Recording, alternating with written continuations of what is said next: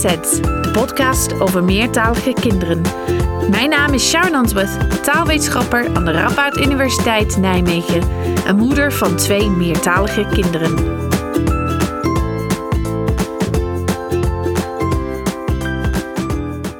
Afgelopen seizoen heeft taalgids Sterre Leufkens ons verteld over zeven verschillende talen die gesproken worden in meertalige gezinnen in Nederland en België.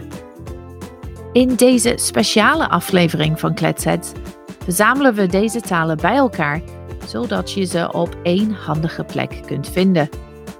Wil je meer weten over de talen of wil je de woorden en uitdrukkingen die je hoort ook mee kunnen lezen? Kijk dan in de show notes, de beschrijving van de podcast die je in de podcast-app vindt of op onze website. Daar staan trouwens alle links naar de originele afleveringen. En zie je ook de tijdstip waarop de verschillende talen beginnen. Dus als je graag naar één bepaalde taal wilt luisteren, dan kan dat direct.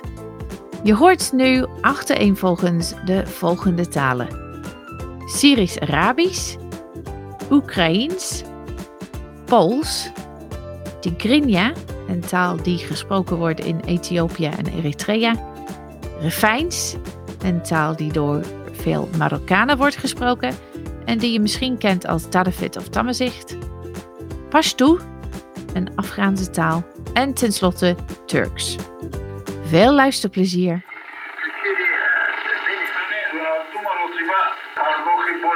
De taalgids.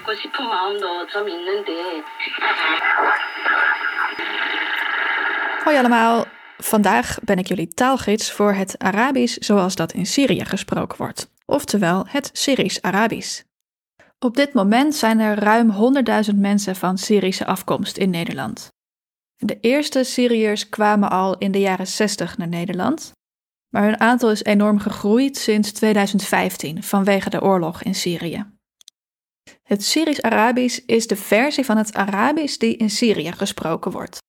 En deze taal verschilt van het Arabisch zoals dat in andere landen gesproken wordt, zoals bijvoorbeeld het Marokkaans-Arabisch, het Egyptisch-Arabisch, het Jemenitisch-Arabisch. En iemand die de ene versie van het Arabisch spreekt, kan de andere versies niet zomaar verstaan. Meestal worden het dialecten van het Arabisch genoemd, maar eigenlijk verschillen ze net zozeer van elkaar als bijvoorbeeld het Nederlands en het Duits en het Engels van elkaar verschillen. Er zijn wereldwijd iets van 375 miljoen sprekers van het Arabisch. Maar dat is als je alle dialecten samenneemt. In Syrië wonen 19 miljoen mensen en de meeste daarvan spreken dus die versie van het Arabisch, het Syrisch-Arabisch.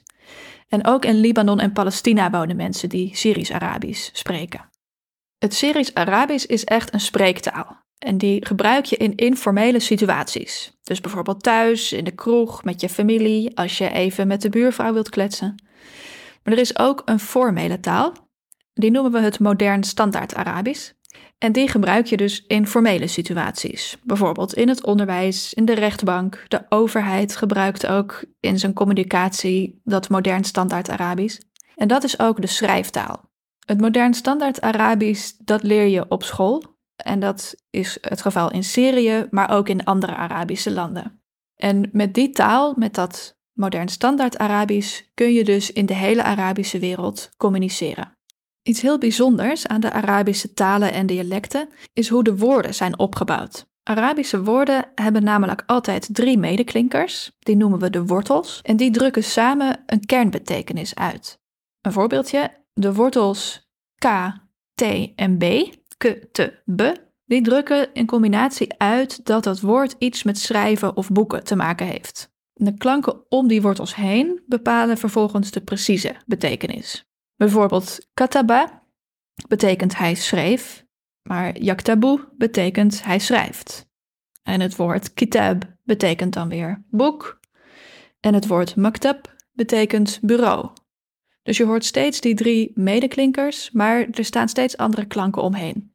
En als je een woord opzoekt in een Arabisch woordenboek, dan moet je zoeken naar de goede wortel. Dus het woord maktab, bureau, staat bij de K en niet bij de M, zoals dat in een Nederlands woordenboek zou zijn. Het Syrisch-Arabisch heeft een aantal klanken die in het Nederlands helemaal niet voorkomen. En het gaat dan vooral om klanken die je diep in je keel uitspreekt. Er zijn bijvoorbeeld klanken die je maakt door de tongwortel, dus het achterste stuk van je tong, tegen de pharynx te houden. Dat is het stukje keel net boven je slokdarm. In veel talen heb je een verschil tussen enkelvoud en meervoud. Dus of je eentje van iets hebt of meer dan één. In het Nederlands kun je het bijvoorbeeld hebben over één boek, dan is het boek enkelvoud. Of je kunt het hebben over twee of meer boeken, dan gebruik je meervoud. En in het Arabisch heb je nog een optie, en die noemen we de dualis. Je hebt dan een apart achtervoegsel, een apart stukje woord, voor als je ergens precies twee van hebt. In het Nederlands hebben woorden altijd een grammaticaal geslacht. En dat betekent dat je de woorden hebt en het woorden. In het Arabisch heb je dat eigenlijk ook. Woorden zijn daar namelijk mannelijk of vrouwelijk. En er is Nederlands onderzoek dat laat zien dat kinderen met een Arabische moedertaal, die Nederlands leren, dat ze de voordeel hebben van die overeenkomst. Want ze gaan het lidwoord het in het Nederlands net wat sneller goed gebruiken dan andere kinderen die dit nog niet kennen uit hun eerste taal. Superhandig dus. Arabische talen, dus ook het Syrisch-Arabisch, hebben geen koppelwerkwoorden. Nou, ik kan me voorstellen dat je denkt: wat zijn dat ook alweer? Koppelwerkwoorden zijn woorden die het onderwerp van een zin koppelen aan een functie of een eigenschap. Bijvoorbeeld, als je in het Nederlands zegt: ik ben vrolijk, dan koppel je de eigenschap vrolijk aan jezelf. En in die zin is ben van het werkwoord zijn het koppelwerkwoord. En je kunt in het Nederlands niet zomaar zeggen ik vrolijk. Je hebt dat koppelwoord nodig. Maar in het Syrisch-Arabisch is dat juist wel wat je doet. Er is dus geen expliciet koppelwoord in het Syrisch-Arabisch. Je zegt letterlijk vertaald ik vrolijk. En ook in een zin als sterren is taalgids, zou je in het Syrisch-Arabisch zeggen sterren taalgids. Misschien heb je wel zin gekregen om zelf wat Syrisch-Arabische woorden te gebruiken. Hier komen een paar handige woorden die vast van pas gaan komen. Als je iemand begroet, dan zeg je Marhaba. Marhaba. Marhaba. Het is ook handig om ja en nee te zeggen. Het woord voor ja in het Arabisch is. E, e, e. Het woord voor nee in het Syrisch-Arabisch is. La, la, la. Als je iemand wilt bedanken in het Syrisch-Arabisch, dan zeg je. Shukran. Shukran. Shukran. Dan gaan we nu tellen in het Syrisch-Arabisch. Het woord voor 1 is. Wahid, wahid, wahid. Het woord voor 2 is. Nen, nen, nen. Het woord voor 3 is. Tlate, tlate, tlate. Het Syrisch-Arabisch heeft natuurlijk ook een woord voor doei. En dat klinkt zo. Salam, salam, salam.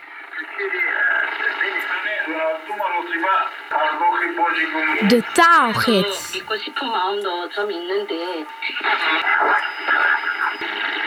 Dag allemaal.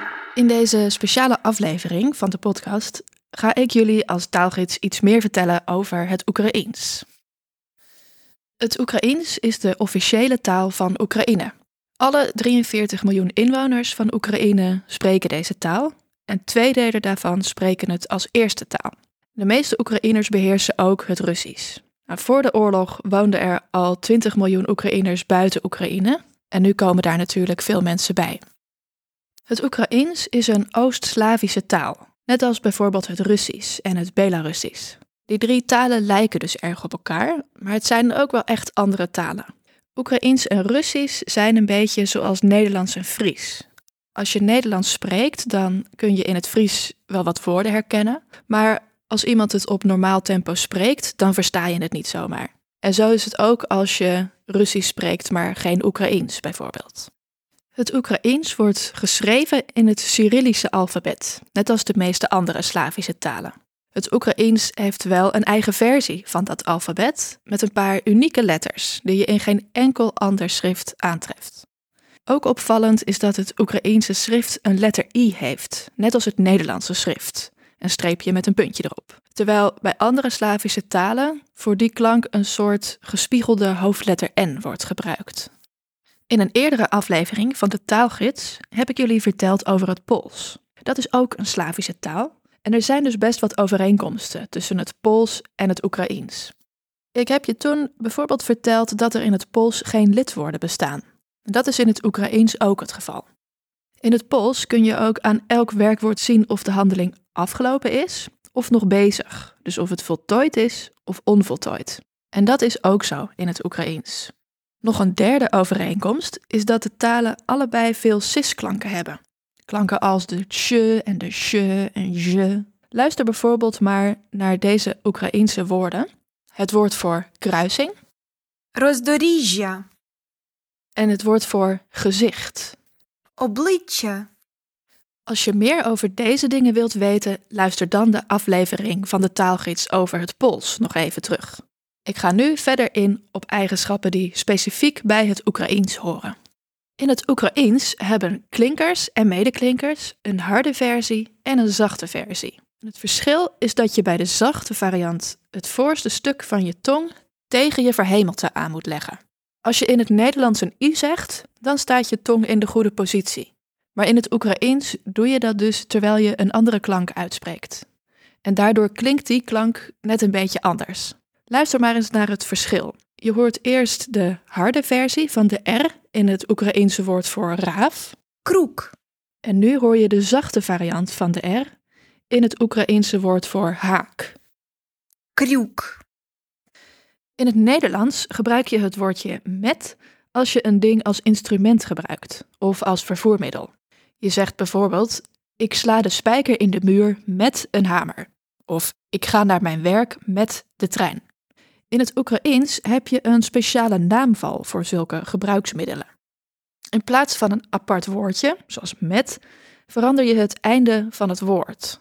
Het gewone woord voor minibusje is bijvoorbeeld маршрутка, maar als je dit nu als vervoermiddel gebruikt en je zegt bijvoorbeeld hij gaat met het minibusje naar Kiev, dan zeg je він їде маршруткою до Києва. het woord minibusje klinkt dan dus net anders aan het einde.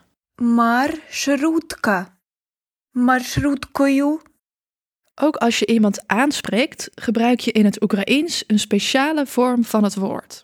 Stel, je hebt een vriend en die heet Ivan. Als je hem aanspreekt, spreek je zijn naam dus anders uit dan als je het over hem hebt terwijl hij er niet bij is. In het eerste geval, stel Ivan komt aanlopen en je zegt: Hoi Ivan, dan klinkt het zo: Ivane. Maar als je het over Ivan hebt zonder dat hij erbij is, dan zeg je het zo: Ivan. Als je zegt hoe oud je bent, gebruik je in het Nederlands het werkwoord zijn. Je zegt bijvoorbeeld ik ben 36 jaar of zij is 19 jaar. In het Oekraïens pak je dit anders aan. Je gebruikt een naamval die je normaal gesproken gebruikt voor een meewerkend voorwerp. Bijvoorbeeld jou in de zin ik geef een cadeautje aan jou. In het Oekraïens zeg je dus eigenlijk aan mij is 36 jaar. Woorden voor getallen zijn in het Oekraïens erg ingewikkeld. Om de goede vorm te gebruiken moet je kijken naar het ding dat je aan het tellen bent. Heb je het over een woord dat mannelijk is, zoals dollar, dan klinkt het woord voor één bijvoorbeeld zo. один долар, Maar heb je het over een woord dat vrouwelijk is, zoals kamer, dan gebruik je een andere vorm van het woord één. En dat klinkt zo. одна кімната, Maar dit is niet voor alle getallen zo. Het getal 1 moet je op deze manier aanpassen in geslacht. Maar bij de cijfers 3 en 4 hoeft dat bijvoorbeeld niet. Daar maakt het niet uit of het ding dat je telt mannelijk of vrouwelijk is. Maar die getallen moet je dan wel weer in de juiste naamval zetten. Bij getallen van 5 en groter hoef je ook geen rekening te houden met geslacht, maar daarbij moet je weer iets bijzonders doen met het woord voor wat je aan het tellen bent. Dat moet je namelijk in de bezitsnaamval zetten. In feite zeg je daardoor zoiets als vijf van iets. Bijvoorbeeld als je zegt vijf hotels, dan klinkt dat zo in het Oekraïens. П'ять готелів. En letterlijk betekent dat vijf van hotels. Het Oekraïens heeft net als het Nederlands een gebiedende wijs. Een vorm van het werkwoord waarbij je iemand iets opdraagt. Bijvoorbeeld in de zin: geef mij de koekjes.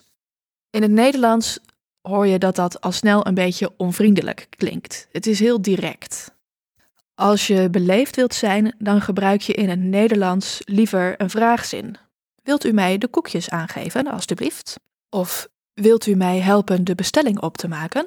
In het Oekraïens is die gebiedende wijs juist een goede manier om een vriendelijk en beleefd verzoek te doen. Luister maar naar de volgende zin. Допоможіть мені зробити замовлення, будь ласка. Letterlijk betekent dit: help mij een bestelling op te maken, alstublieft. En in het Oekraïens klinkt dat net zo beleefd als de vraagzin in het Nederlands. Heb je al zin om zelf een paar woordjes Oekraïens uit te proberen? Ik ga nu een aantal basiswoorden uit het Oekraïens met je doornemen. Als eerste het woord voor een groet. Als je hallo wilt zeggen in het Oekraïens, dan zeg je Привіт. Привіт. Привіт. nu het woord voor ja in het Oekraïens. Dat klinkt zo. Так. Так. Так. En het woord voor nee is in het Oekraïens Новий. Новий. Новий. Als je iemand in het Oekraïens wilt bedanken, dan zeg je Дякую. Дякую. Дякую. Laten we nu tot drie tellen in het Oekraïens. Het woord voor één is Один. Один. Один.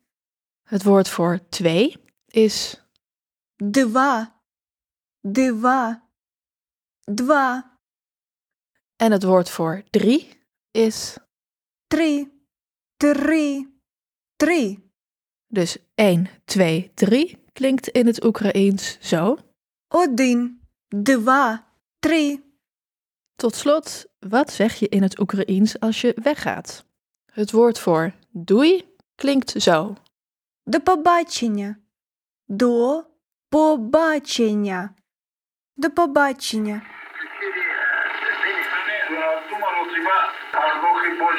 De taalgids. 믿고 싶은 마음도 좀 있는데 Hoi allemaal. Vandaag vertel ik jullie meer over een taal die veel gesproken wordt in Nederland, namelijk het Pools. Op dit moment wonen er ongeveer 250.000 mensen met een Poolse herkomst in Nederland.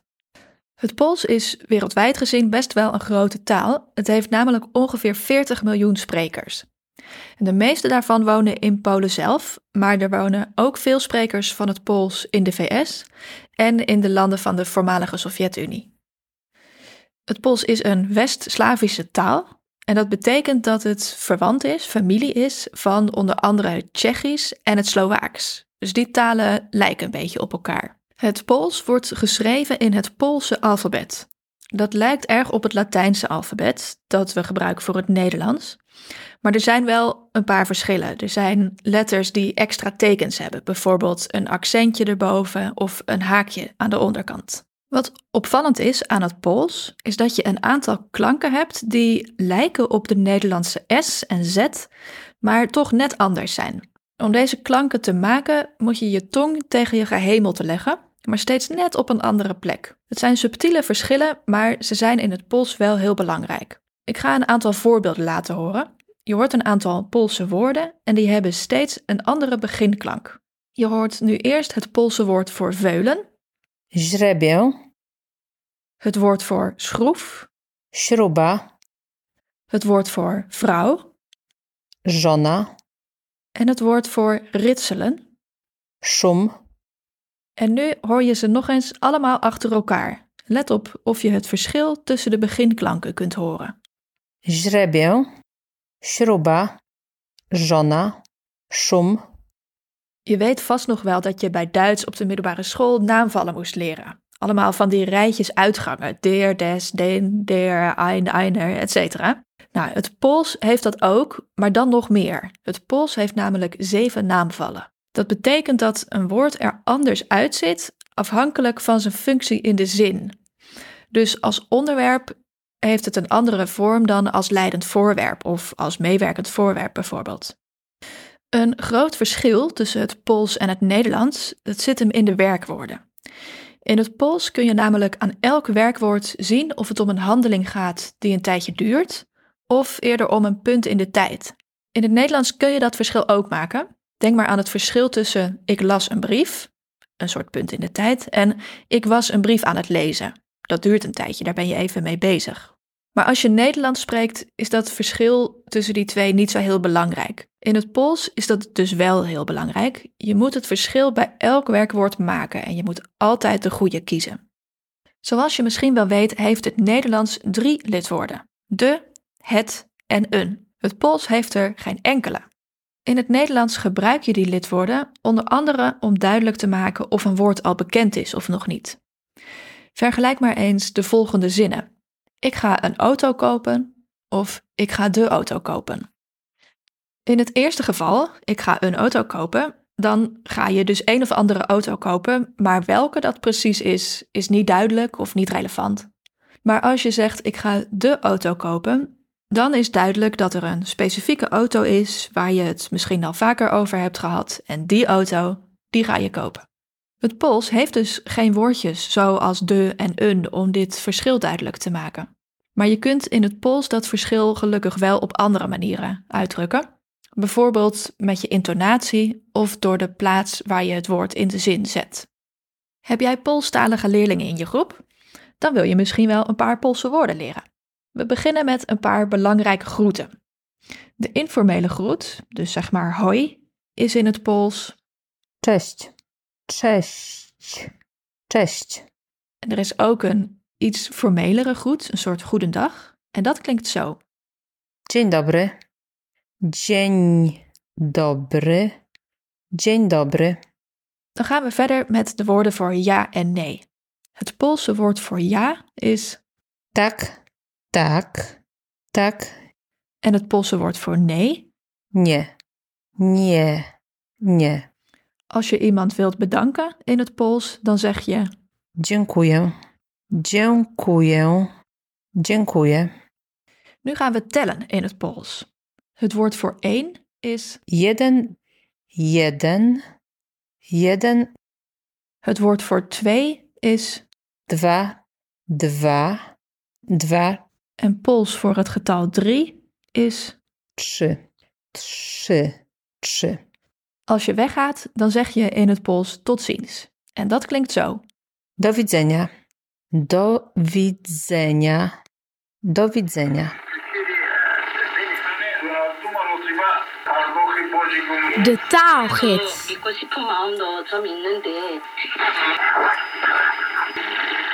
Vandaag vertel ik jullie wat meer over een vrij onbekende taal, het Tigrinya.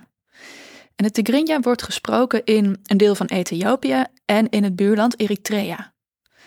Het Tigrinya is de taal van de Tigrinya, de naam zegt het eigenlijk al. Dat is een grote etnische groep in Eritrea.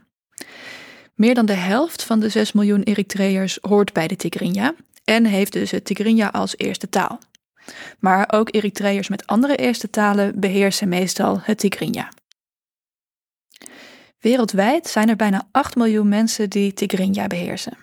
Het is een belangrijke taal van Eritrese migranten in bijvoorbeeld Canada, de Verenigde Staten, Italië, Groot-Brittannië, Zweden, Duitsland en ook in Nederland. Er wonen ruim 20.000 mensen met een Eritrese achtergrond in Nederland en die spreken vaak Tigrinya. Het Tigrinya is een Semitische taal, net als bijvoorbeeld het Hebreeuws en het Arabisch. Daar lijkt het dus ook wel een beetje op, maar het is echt een andere taal. Het Tigrinya wordt geschreven in het zogenaamde Ge'ez-schrift. En dat zit heel anders in elkaar dan het Latijnse schrift dat we bijvoorbeeld voor het Nederlands gebruiken. In het Latijnse schrift komt namelijk elke letter min of meer overeen met één klank. Maar het Ge'ez-schrift bestaat uit symbolen en elk symbool komt overeen met twee klanken: een medeklinker en een klinker. Je hebt bijvoorbeeld een symbool dat lijkt een beetje op een V. En dat symbool staat in zijn eentje voor H. Als je nou een punt aan de rechterkant zet van dat veetje, dan staat het voor hoe. Maar als je een krulletje vastmaakt aan het veetje, dan staat het voor ho. Nou, als je dat een beetje moeilijk voorstellen vindt, dan kun je een plaatje van alle symbolen zien in de show notes bij deze aflevering. Wat bijzonder is aan het Tigrinya is dat het heel simpele lettergrepen heeft. Er zijn eigenlijk drie opties. Een lettergreep kan bestaan uit alleen een klinker, bijvoorbeeld A. Een lettergreep kan bestaan uit een medeklinker plus een klinker, bijvoorbeeld ma. Of het kan bestaan uit een medeklinker, een klinker en nog een medeklinker, bijvoorbeeld maat. Dat zijn de enige opties. In het Nederlands kun je nog veel meer medeklinkers toevoegen. Denk maar aan woorden als krant of herfst of angstschreeuw, met veel meer medeklinkers op een rij. Zulke woorden kunnen soms lastig zijn om te verstaan en uit te spreken voor eerste taalsprekers van het Tigrinya. Zij zullen dan, om het iets makkelijker te maken, soms een klinker toevoegen aan een woord. Dan wordt fiets bijvoorbeeld fiets, of melk wordt melk. Misschien denk je al, ja, dat doen moedertaalsprekers van het Nederlands ook wel eens. En je kent het misschien ook wel uit het Japans.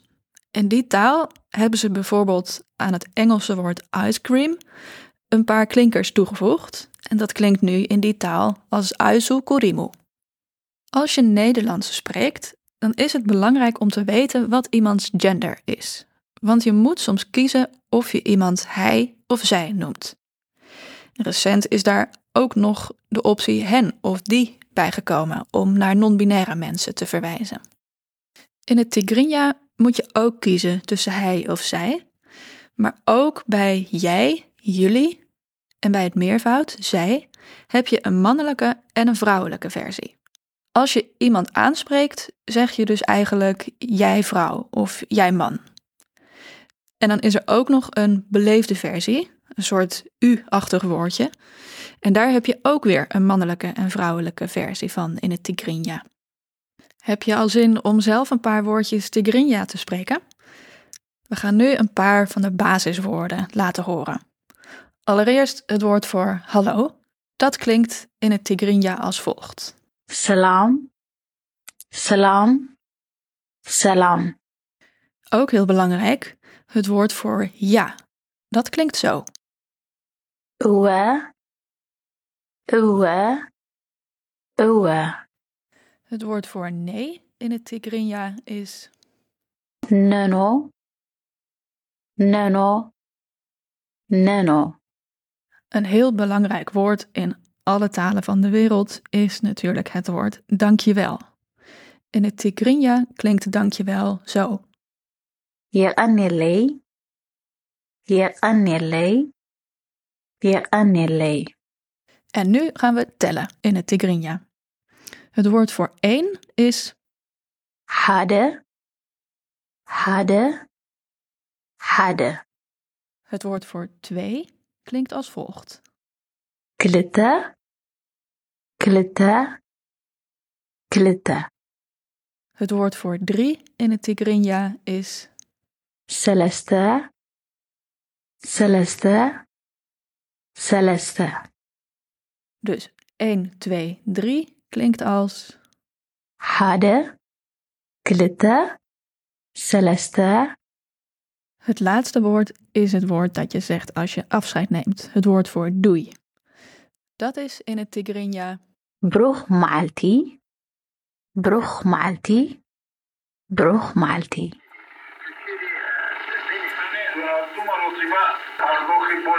De taalgids. Vandaag vertel ik jullie als jullie taalgids iets meer over het Refijns. Het Refijns is een taal uit de familie van Berbertalen, ook wel Amazigh-talen. Het Refijns wordt gesproken in Noordoost-Marokko, voornamelijk in het gebied van het Rifgebergte, wat ook wel de Rif heet. De naam Refijns in de taal zelf is Tarifit. Daar hoor je ook weer dat woord Rif in terug. De sprekers zelf noemen het Tmazicht, maar er zijn meer talen uit de Berberfamilie die zo genoemd worden. En daarom heb ik hier gekozen voor Refijns. Het Rifijns is de taal van de meeste Marokkaanse Nederlanders. Vaak denken mensen dat zij Arabisch spreken. In Marokko wordt inderdaad wel ook Marokkaans-Arabisch gesproken, maar dat is een heel andere taal dan het Refijns. Ze zijn eigenlijk niet eens verwant. Berbertalen en Arabische talen zijn twee verschillende taalfamilies. Luister ook maar eens hoe verschillend Refijns en Marokkaans-Arabisch klinken. Je gaat nu eerst een paar zinnen horen in het Refijns, een paar begroetingen. Zwaarga, mseirga. Assalamu alaikum.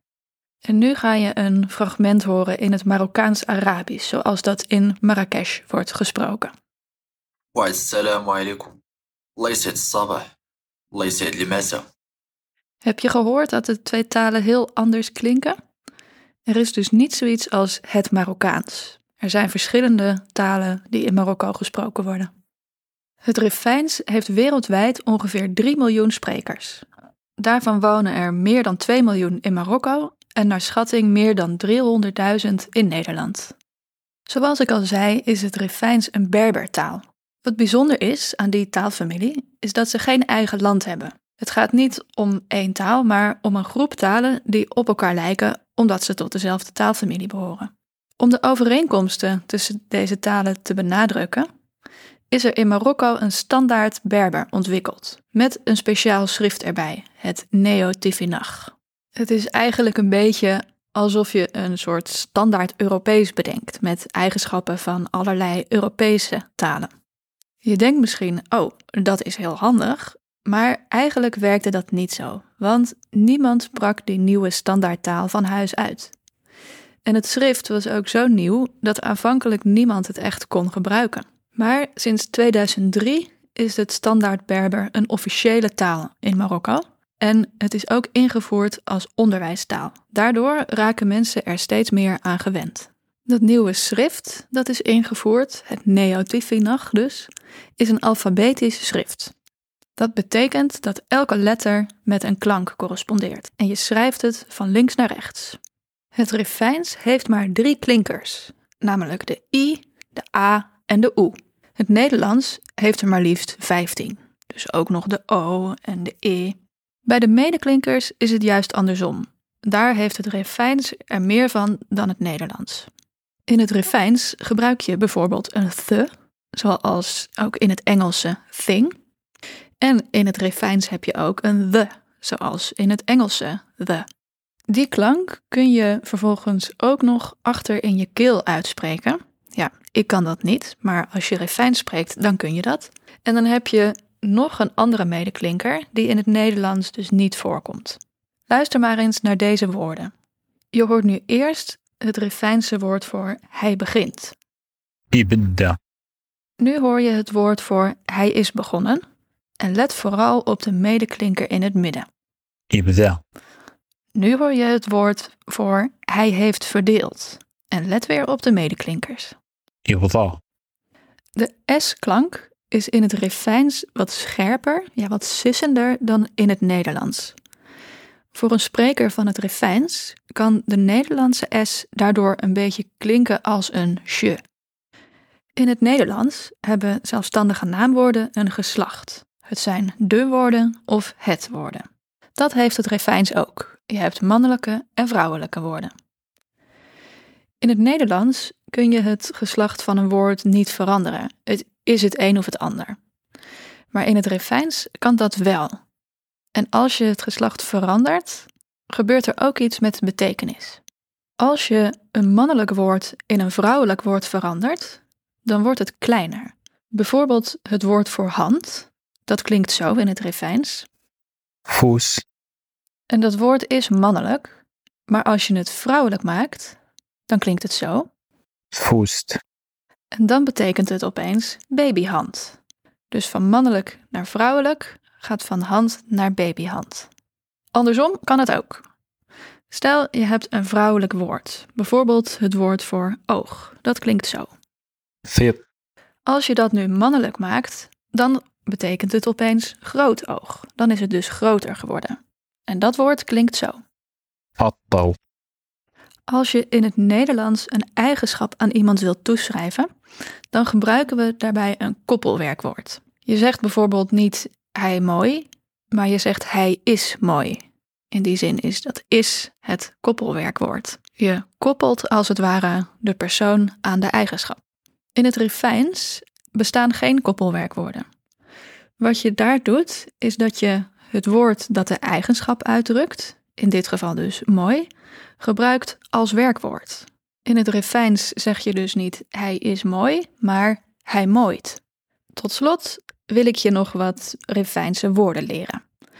Allereerst natuurlijk het belangrijke woord hallo. Dat klinkt zo in het Rifijns. Azul. Azul. Het Rifijnse woord voor ja is Wa. Wa. en het woord voor nee Klinkt zo. La. La. Wil je iemand bedanken in het refijns? Dan zeg je dit. Laten we eens kijken hoe je telt in het refijns. Het woord voor één is. Izen. Izen. Het woord voor twee in het refijns klinkt zo. Sneien. Sneien. En drie is in het refijns. Frethea. Frethea. Dus 1, 2, 3 is. Ijn, sneeën, Frethea.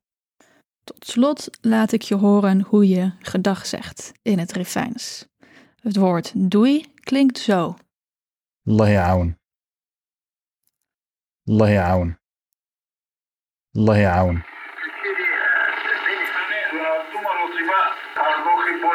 De taalgids. Hier ben ik weer, jullie taalgids. Vandaag vertel ik jullie meer over het Pashto. Het Pashto is een van de twee officiële talen van Afghanistan.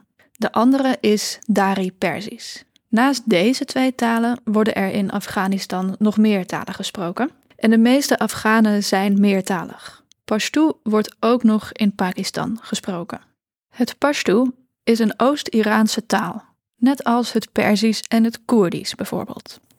Die talen zijn dus familie en ze lijken dus op elkaar, net als bijvoorbeeld Nederlands en Duits. Het zijn een soort zusjes. Pashto is ook verre familie van het Nederlands. Wel echt verre familie hoor, een soort achter-achternichtje. Er zijn dus gelijkenissen tussen het Nederlands en het Pashto, maar daar moet je goed naar zoeken, met je taalkundige bril op. En dan zie je dat bijvoorbeeld het woord voor twee in het Pashto best een beetje lijkt op het Nederlandse woord twee. Het is namelijk Dwa. het woord voor moeder lijkt ook een beetje op het Nederlands. Dat klinkt zo. Mor. En het woord voor naam is in het Pashto. Num. In Nederland wonen ruim 50.000 mensen met een Afghaanse achtergrond. En het is niet duidelijk hoeveel van hen Pashto spreken. Wereldwijd zijn er naar schatting tussen de 25 en 60 miljoen mensen die het Pashto als eerste taal spreken. Het Pashto is geen Arabische taal, maar het heeft wel veel Arabische leenwoorden. En het gebruikt de Arabische schrifttekens. Net als het Arabisch schrijf je Pashto van rechts naar links. Het Pashto heeft een heel lange en rijke literaire historie. Er is ontzettend veel mooie literatuur en poëzie geschreven in deze taal. En de taal heeft ook veel mooie uitdrukkingen en zegswijzen. Ik ga een paar voorbeelden geven. De uitdrukking die je nu gaat horen betekent letterlijk: je kunt niet twee watermeloenen in één hand houden. Nou, je kunt al een beetje raden wat dat betekent. Het betekent zoiets als: neem niet te veel hooi op je vork. En het klinkt in het Pashto als volgt. Две гендване по его ласке на неволькиже. Een andere wijze les in het Pashto is de volgende. En het betekent wie respect geeft, die krijgt ook respect. Изаткова, изатба деркавалькиже. De volgende zegswijze die je gaat horen betekent als je kamelen houdt, moet je hoge deuren maken. En daar wordt zoiets mee bedoeld als je moet de gevolgen van je handelen aanvaarden. In het Pashto klinkt dat zo.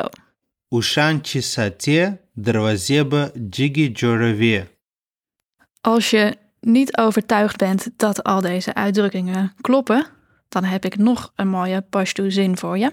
Dit betekent namelijk: er is geen uitdrukking die niet waar is.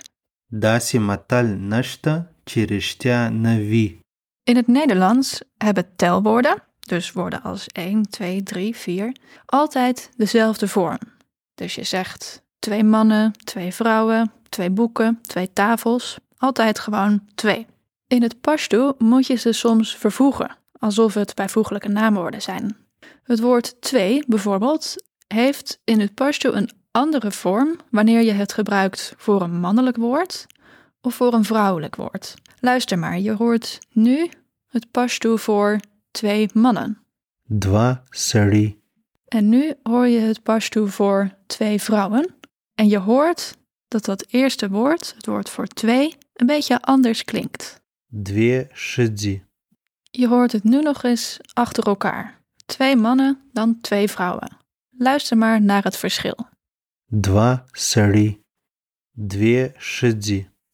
In het Pashto bestaan speciale vormen van het werkwoord om situaties te beschrijven die ja, niet echt zijn. Bijvoorbeeld als je het hebt over iets waar je naar verlangt. In het Nederlands zeg je dan bijvoorbeeld: Ik wil graag buiten spelen. Dan ben je dus niet echt aan het buiten spelen, maar je stelt je voor hoe leuk dat zou zijn. Of als je zegt: Ik kan goed tekenen. Dan ben je niet echt op dat moment aan het tekenen, maar je vertelt over iets wat je zou kunnen doen. Voor zulke niet-echte situaties gebruik je in het Nederlands een extra werkwoord, bijvoorbeeld kunnen of willen. Maar in het Pashto verander je de vorm van het werkwoord zelf. Stel je gebruikt het werkwoord arriveren. Dat klinkt zo in het Pashto. Rasiedal. Als je nu wilt zeggen kan arriveren, dan verander je de vorm van dat werkwoord. En dat klinkt zo. Warasiji. Je hoort ze nu nog eens na elkaar. Arriveren en kan arriveren. Warasiji. Wil je nu weer zelf een paar woordjes Pashto leren? Daar komen ze. Eerst het woord voor hallo. Er zijn in het Pashto verschillende manieren om hallo te zeggen. Je kunt bijvoorbeeld dit zeggen. Goedemorgen. سهار بخير سهار بخير سهار بخير goede avond ما شام بخير ما شام بخير ما شام بخير goede nacht شبا بخير شبا بخير شبا بخير ook een manier om hallo te zeggen. In het Pashto is als je letterlijk zegt dat je niet moe zult zijn. Een soort wens. En dat klinkt in het Pashto zo. Stari masya. Stari masya. Stari masya. Het woord voor ja in het Pashto, heel belangrijk, klinkt als volgt. Ho, ha, o, ho, het woord voor nee in het Pashto is N. N. A. N.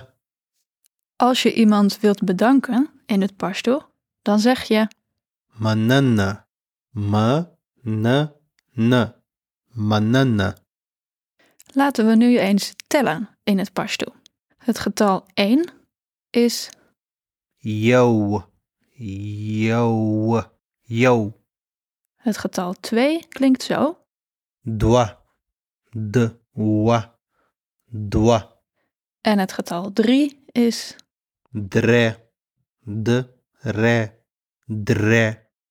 Dus 1, 2, 3, dat klinkt zo in het pashto. Yo.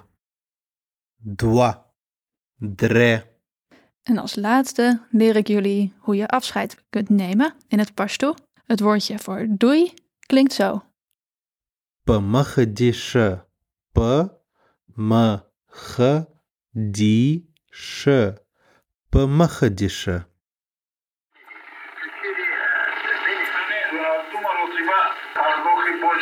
De taalgids. Hoi allemaal. Vandaag vertel ik jullie als jullie taalgids wat meer over het Turks. En dat vind ik heel tof, want het Turks is eigenlijk een erg belangrijke taal in Nederland. In Nederland wonen ongeveer 400.000 mensen met een Turkse achtergrond. Bijna de helft daarvan is eerste generatie. Die zijn dus in Turkije geboren en toen naar Nederland verhuisd. En de andere helft is de tweede generatie. Dat zijn mensen met één of twee Turkse ouders die zelf in Nederland geboren zijn. Als je deze podcast luistert, dan heb je misschien wel deze kinderen in de klas. Of misschien ben je zelf wel kind van een Turkse ouder en is Turks jouw thuistaal of is dat vroeger geweest? Als je met het Turks als thuistaal opgroeit, dan spreek je behalve Nederlands vaak ook goed Turks. Veel mensen met het Turks als eerste taal kijken bijvoorbeeld ook graag naar Turkse televisie, luisteren naar Turkstalige radio, gaan op vakantie in Turkije, hebben vaak ook contact met andere Turkse Nederlanders. En daardoor spreek je dan zowel goed Turks als Nederlands. Ook als je op wereldschaal gaat kijken, dan is Turks echt een behoorlijk grote taal. De taal heeft namelijk zo'n 70 tot 80 miljoen sprekers op de wereld. En die wonen vooral in Turkije. Maar het Turks is ook een minderheidstaal in buurlanden van Turkije, zoals Irak, Syrië, Griekenland. En dan zijn er ook nog veel sprekers in bijvoorbeeld andere Europese landen, zoals Noord-Macedonië, Bulgarije, Noord-Cyprus, Duitsland en Nederland dus. Eigenlijk overal waar mensen met een Turkse achtergrond wonen, wordt ook Turks gesproken. Het Turks heeft een aantal heel bijzondere eigenschappen. En eentje daarvan heeft te maken met achtervoegsels. Achtervoegsels zijn eigenlijk woordstukjes die je aan het eind van een woord vastplakt.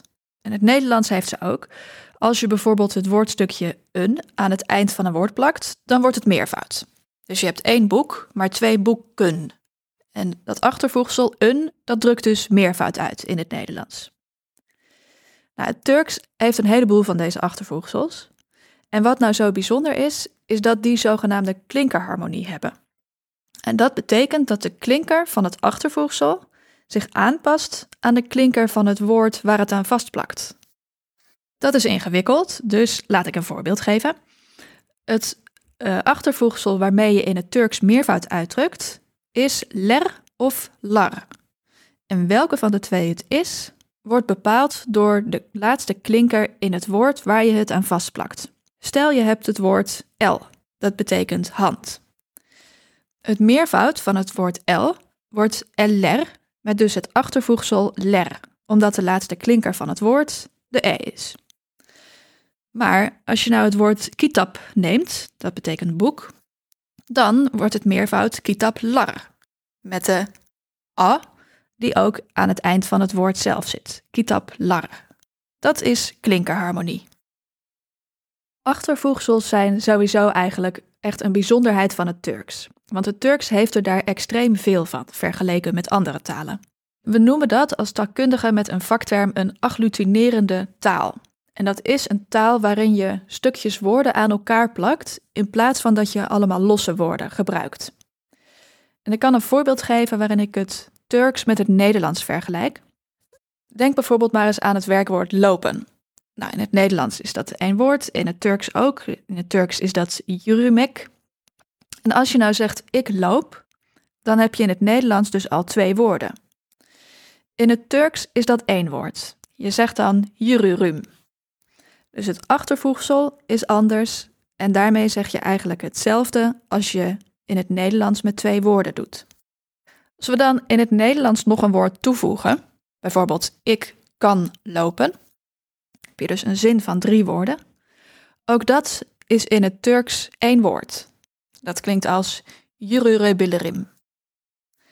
Dus waar je in het Nederlands losse woorden toevoegt, daar voeg je in het Turks steeds achtervoegsels toe. Dat is heel bijzonder aan de Turkse taal. Het Turks wordt geschreven met dezelfde letters als het Nederlands, maar er zijn wel een paar kleine verschillen. In het Turks heb je bijvoorbeeld een bijzonder teken dat je soms boven de letter G ziet staan. Het is eigenlijk een soort kommetje, een halfrond boogje. Kijk bijvoorbeeld maar eens naar de naam van de Turkse president. Daar staat ook ja, een soort kommetje bovenop de letter G.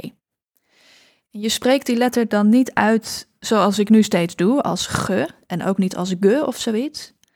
Maar als je zo'n g met kommetje ziet na een klinker a of o of u, dan spreek je het niet uit als ge, maar dan maak je die klinker langer. En dan klinkt het als een soort h. Dus de naam van de president van Turkije is dus niet Erdogan of Erdogan, maar het klinkt meer als Erdogan. Dus niet Erdogan, maar Erdogan. Het Turks heeft ook een klank die in het Nederlands niet bestaat. Die klank schrijf je op met een i zonder puntje, maar het klinkt dus heel anders dan de Nederlandse i of i. En je maakt die klank door je mond in de stand te zetten van een oe, maar dan zet je je kiezen op elkaar, je trekt je mondhoeken naar buiten en je bovenlip een beetje naar boven. En dan krijg je zoiets als dit. Oeh. Oeh. En je hoort die klank bijvoorbeeld in het Turkse woord voor winter. Luister maar. Kış. Kış. Een grammaticaal verschil tussen het Turks en het Nederlands gaat over het verwijzen naar mensen die zelf niet aanwezig zijn. In het Nederlands moet je dan altijd kiezen tussen hij of zij of hen. Dus je moet eigenlijk altijd zeggen wat het gender is van de persoon over wie je het hebt. En in het Turks hoef je die keuze niet te maken. Je hebt namelijk maar één woordje voor dit geval, namelijk o. En dat kun je altijd gebruiken. Of je het nou over een man of een vrouw of een non-binair persoon hebt. Je hoeft niet te kiezen tussen hij of zij of hen. Je gebruikt gewoon altijd o. Nog een ander verschil is dat je in het Turks dit soort woordjes vaak kunt weglaten. Stel, je zegt een zin als de kat zit op tafel. Dan kun je in de volgende zin, als het toch duidelijk is dat het over die kat gaat, gewoon zeggen wast zich. In het Nederlands zou je dan moeten zeggen hij wast zich of zij wast zich. Maar in het Turks kun je dat woordje weglaten, want het is toch wel duidelijk over wie het gaat. Als je deze podcast luistert, ben je misschien wel leerkracht en heb je Turkstalige kinderen in de klas. Nou, hoe tof zou het zijn als je een paar woordjes Turks kunt wisselen met je leerlingen? Om die reden ga ik wat voorbeelden geven van Turkse basiswoorden. En ik spreek zelf geen Turks, dus hebben we iemand gevraagd om deze woorden voor ons netjes uit te spreken. Eerst het woordje voor hallo. Dat is in het Turks Merhaba. Merhaba. Merhaba. Andere belangrijke woorden zijn natuurlijk ja en nee. Het Turkse woord voor ja is Evet. Evet. Evet. En het Turkse woord voor nee klinkt zo. Hayır. Hayır. Hayır. Het is natuurlijk ook handig als je in het Turks dankjewel kunt zeggen. Dat klinkt zo in het Turks. Teşekkür ederim. Teşekkür ederim. Teşekkür ederim. We gaan verder met de Turkse woorden voor de eerste drie getallen. 1, 2 en 3. Het Turkse woord voor 1 is bir, bir, bir. En het Turkse woord voor 2 klinkt zo. İki, iki, iki. En het Turkse woord voor 3 is üç, üç, üç. En tot slot is hier het Turkse woord voor doei. Als je weggaat, dan zeg je in het Turks Hoşça kal. Hoşça kal. Hoşça kal. Wil je meer weten over Kletsets? Ga dan naar www.kletsetspodcast.nl. Daar vind je ook meer informatie over deze aflevering. Wil je geen aflevering missen? Abonneer je dan op Kletsets via je favoriete podcast-app. Kletsets vind je ook op Facebook, Twitter, Insta en LinkedIn. Onze naam al. Ken je iemand die de podcast misschien leuk vindt en die hem nog niet kent? Dan zou ik het heel fijn vinden als je hem zou delen. Bedankt voor het luisteren en graag tot de volgende keer.